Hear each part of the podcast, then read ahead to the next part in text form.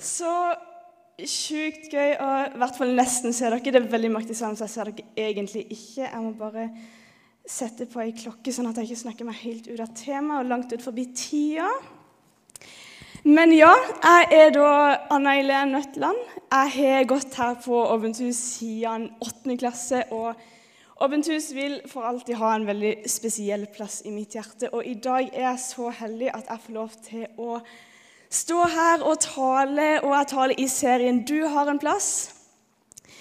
Um, og når jeg liksom fikk vite at jeg skulle tale i denne serien og tale med tema 'Du har en plass', så tenkte jeg sånn Jeg har ikke peiling på hva jeg skal snakke om. Og så begynte jeg liksom å veve. Jeg begynte å liksom tenke på sånn hva, hva kan jeg dra inn her? Og så har bare sett så mange historier i Bibelen der Gud bare viser at du har en plass, og du er viktig.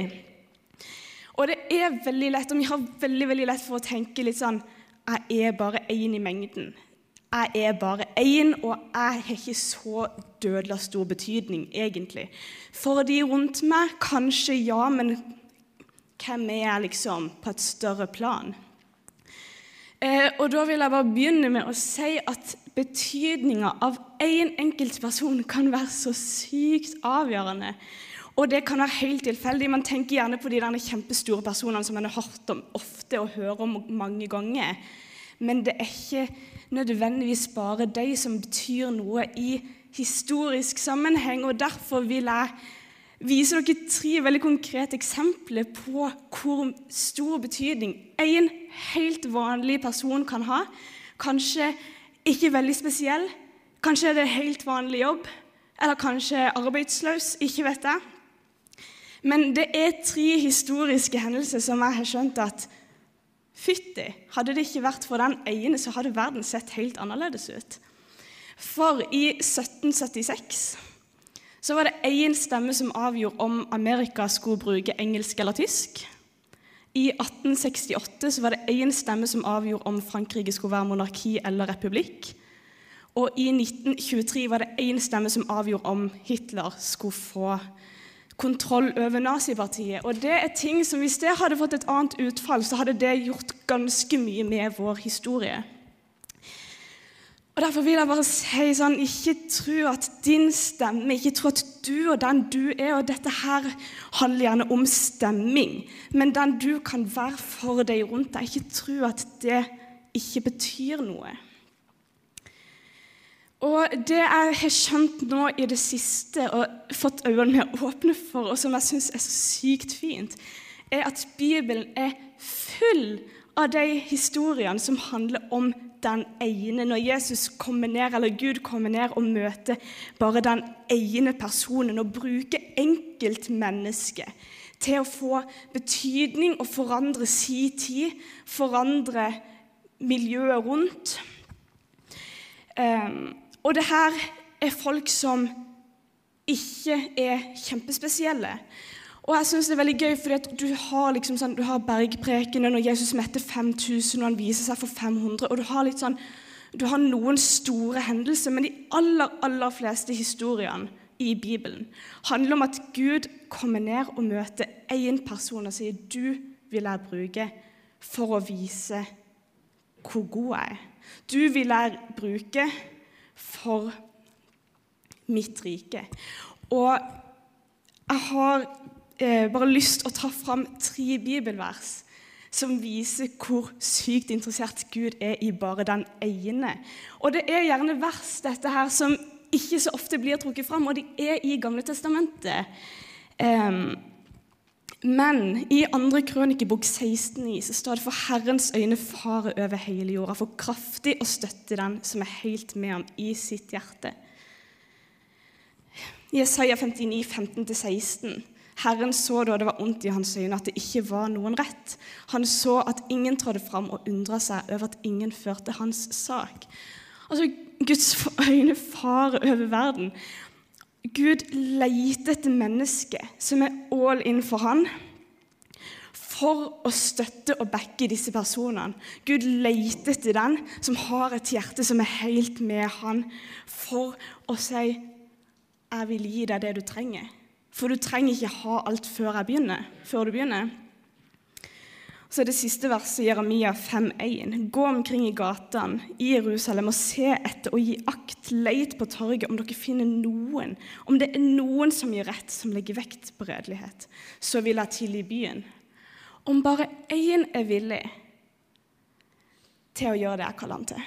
Om bare én fører min sak, om bare én er helt med meg i sitt hjerte, så vil jeg støtte denne personen og tilgi hele byen.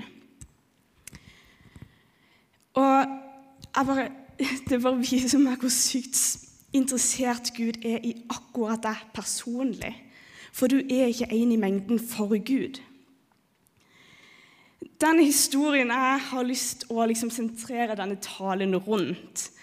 Eh, det er en historie som er henta fra Gamle testamentet, om ei helt rå dame som har blitt et av mine største forbilder på sykt kort tid. Men jeg tror at dette er et forbilde jeg kommer til å ha resten av livet. Det er ei dame som bare beslutta at det var verdt å bryte alle former for regler. Alle former for normer og alt hun egentlig var plikta til for å gjøre det som var rett, for å gjøre det hun var kalt til. Det er historien om Ester, og denne historien begynner med kong Ahasverus. Og Han var konge over et kjempestort område, og han hadde sykt mye makt. Og Historien starter med at du får høre om en sånn gedigen fest han har hatt. Det er en fest han har hatt gående i et halvt år. Og så På slutten av denne festen så vil han på en måte vise fram den vakre dronninga si. Og han vil liksom vise henne fram for, som et liksom maktsymbol. Og hun vil ikke komme. Hun sier ja, men jeg har mine egne gjester. Han forventer. Og han blir så sint for at hun ikke vil høre på han, at han sier men hun får ikke være dronning lenger. Nå må jeg finne meg en ny som kan være min dronning. Og det sier jo litt om han som person òg. Men han hadde makt til å bare si at hvis hun ikke vil høre på meg, så vil ikke jeg ha henne som dronning. Så da, det tjeneren hans gjør, er at de går ut og så leter de etter alle unge, vakre jenter i, denne, i dette området. Dette er et område på 127 land, så det er et kjempestort område. En av disse jentene som de finner, fordi de henter inn kjempemange hundre jenter, og så kommer disse jentene til palasset, og de skal være på palasset i tolv måneder bare for å forberede seg før de får komme inn til kongen. En av disse jentene som de henter inn, er Ester. Og Ester hun er foreldreløs. Foreldrene hennes er døde, sikkert når hun var ung. Det står det ikke så mye om, men hun er vokst opp hos sin fetter Mordekai. Og han har på en måte blitt som en far for henne, men både er hun foreldreløs, hun er adoptert, og hun er jøde. Hun er ikke spesiell i det hele tatt. Men idet Ester etter disse tolv månedene kommer inn til kongen, så ser han henne. Så ser han ok, hun er sjukt vakker, jeg vil ha henne til dronning. Og hun blir den nye dronninga. Hver dag så gikk Mordekai Mordekai det er fetteren som Ester vokste opp hos. Han går forbi Slottet for å prøve å følge med, for han, han bryr seg jo om Ester. og Han går utenfor Slottet for å følge med på om hun har det bra, prøve å følge, men han får jo ikke noe kontakt. Men se om han kan se og se om han kan finne ut hvordan det går med henne. Og så er det en annen mann som kommer inn i bildet nå, og det er en som heter Haman.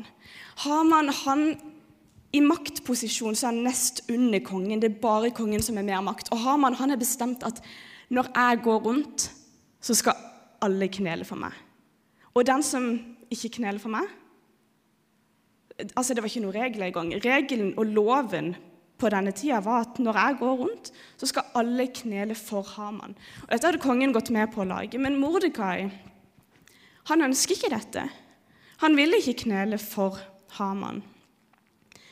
Og Haman finner ut at Mordekai er jøde, og Haman hater jøder. Og han vil ikke bare drepe Mordekai fordi han blir sur på at Mordekai ikke vil eh, knele for han. Han vil drepe alle jøder. Så Haman han får kongen til å gå med på en lov. Jeg tror ikke kongen helt vet hva han går med på. For kongen går med på å skrive under på denne loven. I hvert fall. Og den loven går ut på at innen en periode så skal alle jøder være drept. Dette er en lov som sørger for at jødene blir utrydda. Og jeg tror at det var litt sånn stemning som det var i gettoene i Tyskland og Polen før andre verdenskrig.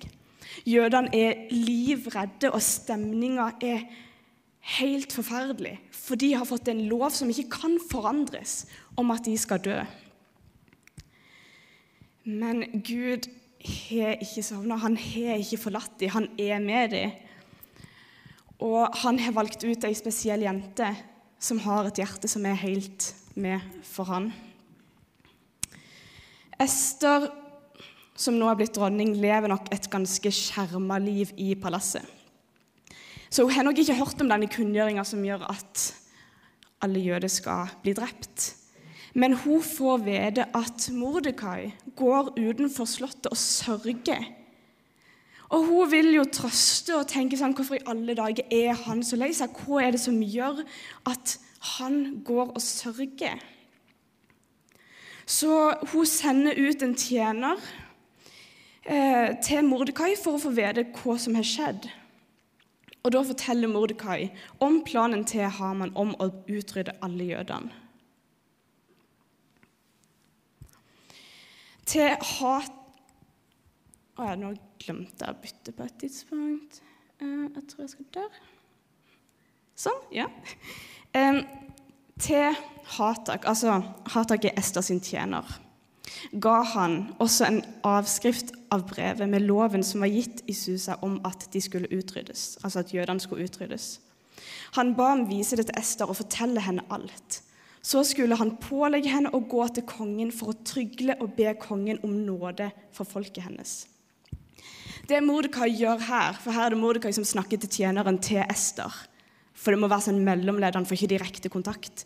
Men Mordekai ber Ester om å gå inn til kongen. Og greia er at På denne tida så kan du ikke bare gå inn til kongen selv om han er mannen din. Skulle du gå inn til kongen, så måtte du ha en invitasjon. Og Kongen han sitter med et septer, og hvis han strekker det ut mot deg, da får du leve. Men hvis han ikke gjør det, så dør du. Så Ester, med denne befalinga fra Mordekai, så risikerer hun alt hvis hun hører på han.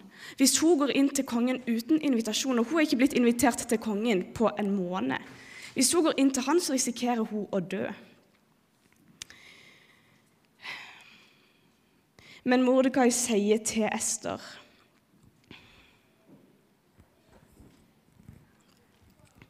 Du må ikke tenke at du alene av alle jøder skal slippe unna fordi du er i kongens hus. For om du tier stille i denne tid, så vil det nok komme befrielse og redning for jødene fra et annet sted. Men du og din fars hus skal omkomme. Og hvem vet om det ikke er nettopp for en tid som denne at du har fått dronningverdigheten? Gud var ikke avhengig av Ester. Hvis Ester hadde sagt nei, dette vil jeg ikke, så kunne Gud redde jødene på en annen måte. Men han ønska å bruke nettopp Ester til å utfri denne nasjonen.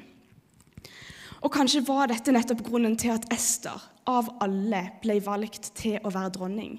Fordi Gud hadde en plan. Gud så fortsatt liv for henne.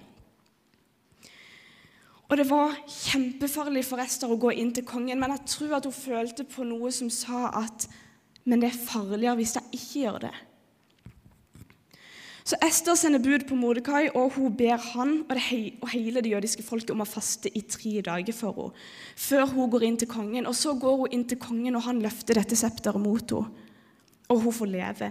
Og hun inviterer både kongen og Haman, han onde mannen som ønska å utrydde hele folket. Hun bedde deg på middag to dager på rad, og kongen sier begge dagene du kan be om hva du vil, om så halve kongeriket, og jeg vil gi deg det.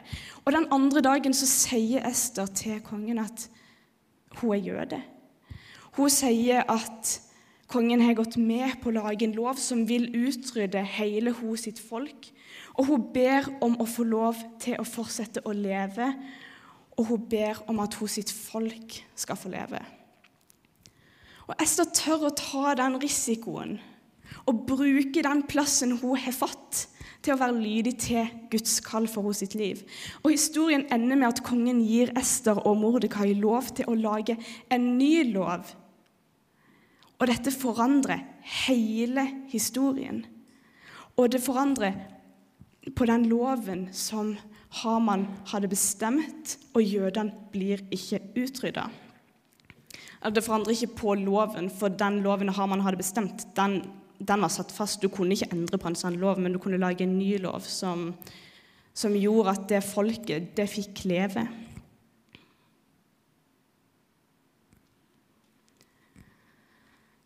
Så er det jo tema for disse fredagene, det er 'du har en plass'.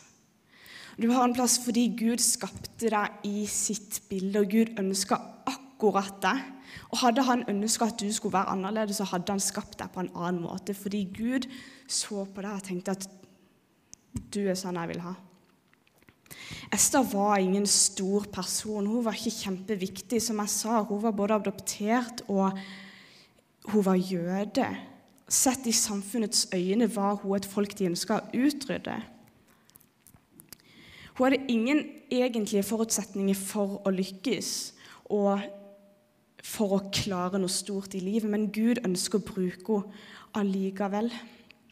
Og Bibelen er full av uperfekte personer, men som står og sier, 'Men her er jeg, Gud, bruk meg, jeg er villig til å gå der du sender meg'.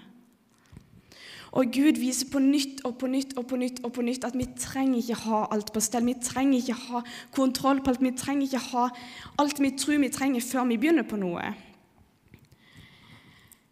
Men at hvis du ønsker å leve for Gud og søke Han Altså Hvis du ønsker å komme til Gud med det lille du har, og si 'Gud, det er ikke mye, men jeg vil gi det til deg'. Jeg vil gi den posisjonen jeg har, til deg. Jeg vil gi de talentene jeg har til deg. Jeg vil gi den plassen jeg har fått til deg. Så vil han ta det, og han vil velsigne det og gjøre det til noe som er så vanvittig mye større enn det du er sjøl. Og det betydde mye mer for Ester å gjøre det som var rett, enn å gjøre det som var komfortabelt. Og hun setter de andre foran seg sjøl, sjøl om hun er kjemperedd, og det med god grunn men hun gjør det Gud kaller henne til, Hun bruker den plassen hun har fått av Gud. Og når hun trenger Gud, så svikter han ikke. Ikke sant? For Guds øyne farer over hele jorda for kraftig å støtte den som er med ham i sitt hjerte. Hvis du ønsker å leve for Gud, så kommer han aldri til å forlate deg. Han kommer aldri til å svikte deg. Og for Gud er ikke du en i mengden. Jesus levde et perfekt liv, men endte med å bli håna, spytta på, torturert og drept og hengt på et kors som var helt sinnssykt nedverdigende. Og han ville gjort alt på nytt om du var eneste som levde. Om du var eneste på denne jorda, ville han gjort alt på nytt for deg. Fordi evangeliet er personlig og Jesus elsker deg personlig. Og han døde for deg. Han tok din plass for at du kunne få hans plass i himmelen. Og han har så store planer for ditt liv hvis du bare ønsker å si ja. Og jeg, bare, jeg vet ikke hvordan jeg kan få sagt det mer, men du er så viktig for Gud, og Gud har gitt deg en plass. Gud har gitt deg en rolle for deg rundt deg, og for historien. Kanskje så er du en som skal bety sykt mye for tre personer.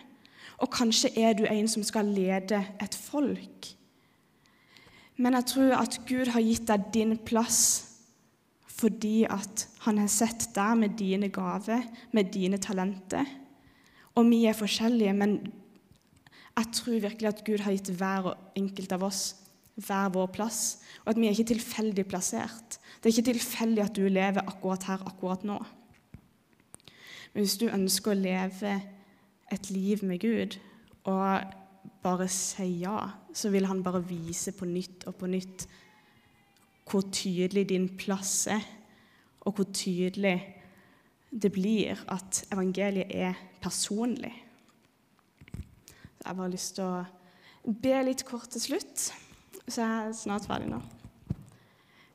Kjære Jesus, jeg vil bare takke for forbildet vi har som Ester, som tør å gjøre det som er rett, uavhengig av hva som forventes rundt. Og så vil jeg bare takke for at vi kan samles her på Åpent hus i kirka og hjelpe oss å ikke ta det som en selvfølge.